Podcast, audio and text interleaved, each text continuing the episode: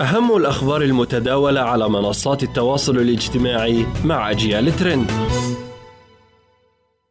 انتشار عدد من الصور على صفحات التواصل الاجتماعي يتضح من خلالها تشقق ظهر في سطح القمر. هذا ما نشرته وكالة ناسا خبر يتمحور حول انشقاق القمر. في الحقيقة انشقاق القمر الذي تم تداوله على صفحات التواصل الاجتماعي يظهر بصورتين توضح كل واحدة منهما وجود تصدع وتشقق على سطح القمر.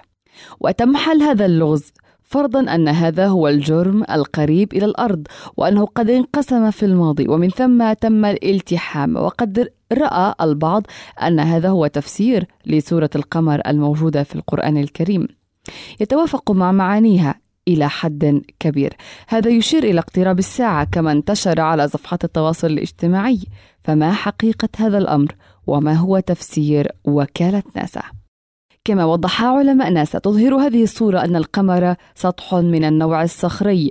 به عدد من الشقوق. وعلق عدد من رواد التواصل الاجتماعي أن هذه الشقوق قد اختلف بها العلماء وحيرتهم ولم يقوموا بإيجاد أي تفسيرات لهذا الأمر. وأنها قد تكون دليل على انشقاق القمر سابقا في الماضي كما أغلب المتابعين لهذه الصورة المتداولة قاموا بتأييد تفسيرات سورة القمر والتي تقول قال تعالى اقتربت الساعة وانشق القمر وقد تم تفسير هذه الآية أنه في عدد من الروايات الإسلامية القديمة تقول أن القمر قد انشق بالفعل في زمن سيدنا محمد صلى الله عليه وسلم ليتم إثبات نبوته أمام من يقومون بإنكارها. وتجد تفسير آخر لهذه الآية يشير إلى أنها تتحدث عن نهاية العالم وليس عن شيء قد وقع قديما. ألف دولار ثمن ورقة نقد فلسطينية نادرة. بيعت في بريطانيا هذه الورقة النقدية النادرة بقيمة 100 جنيه فلسطيني وتم العثور عليها في متجر خيري بيعت بمبلغ 173 ألف دولار أمريكي.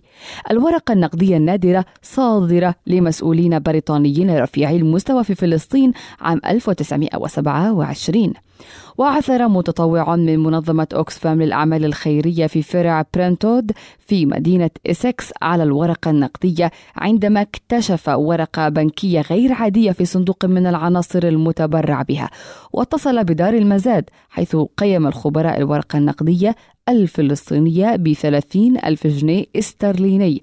لكن عدة رجال أعمال فلسطينيين من الولايات المتحدة وبريطانيا أبدوا اهتماما باقتناء الورقة النقدية النادرة التي بيعت بأكثر من أربعة أضعاف تقييمها لكثرة الراغبين بها خلال المزاد الذي عقد في دار سبينك للمزادات في لندن.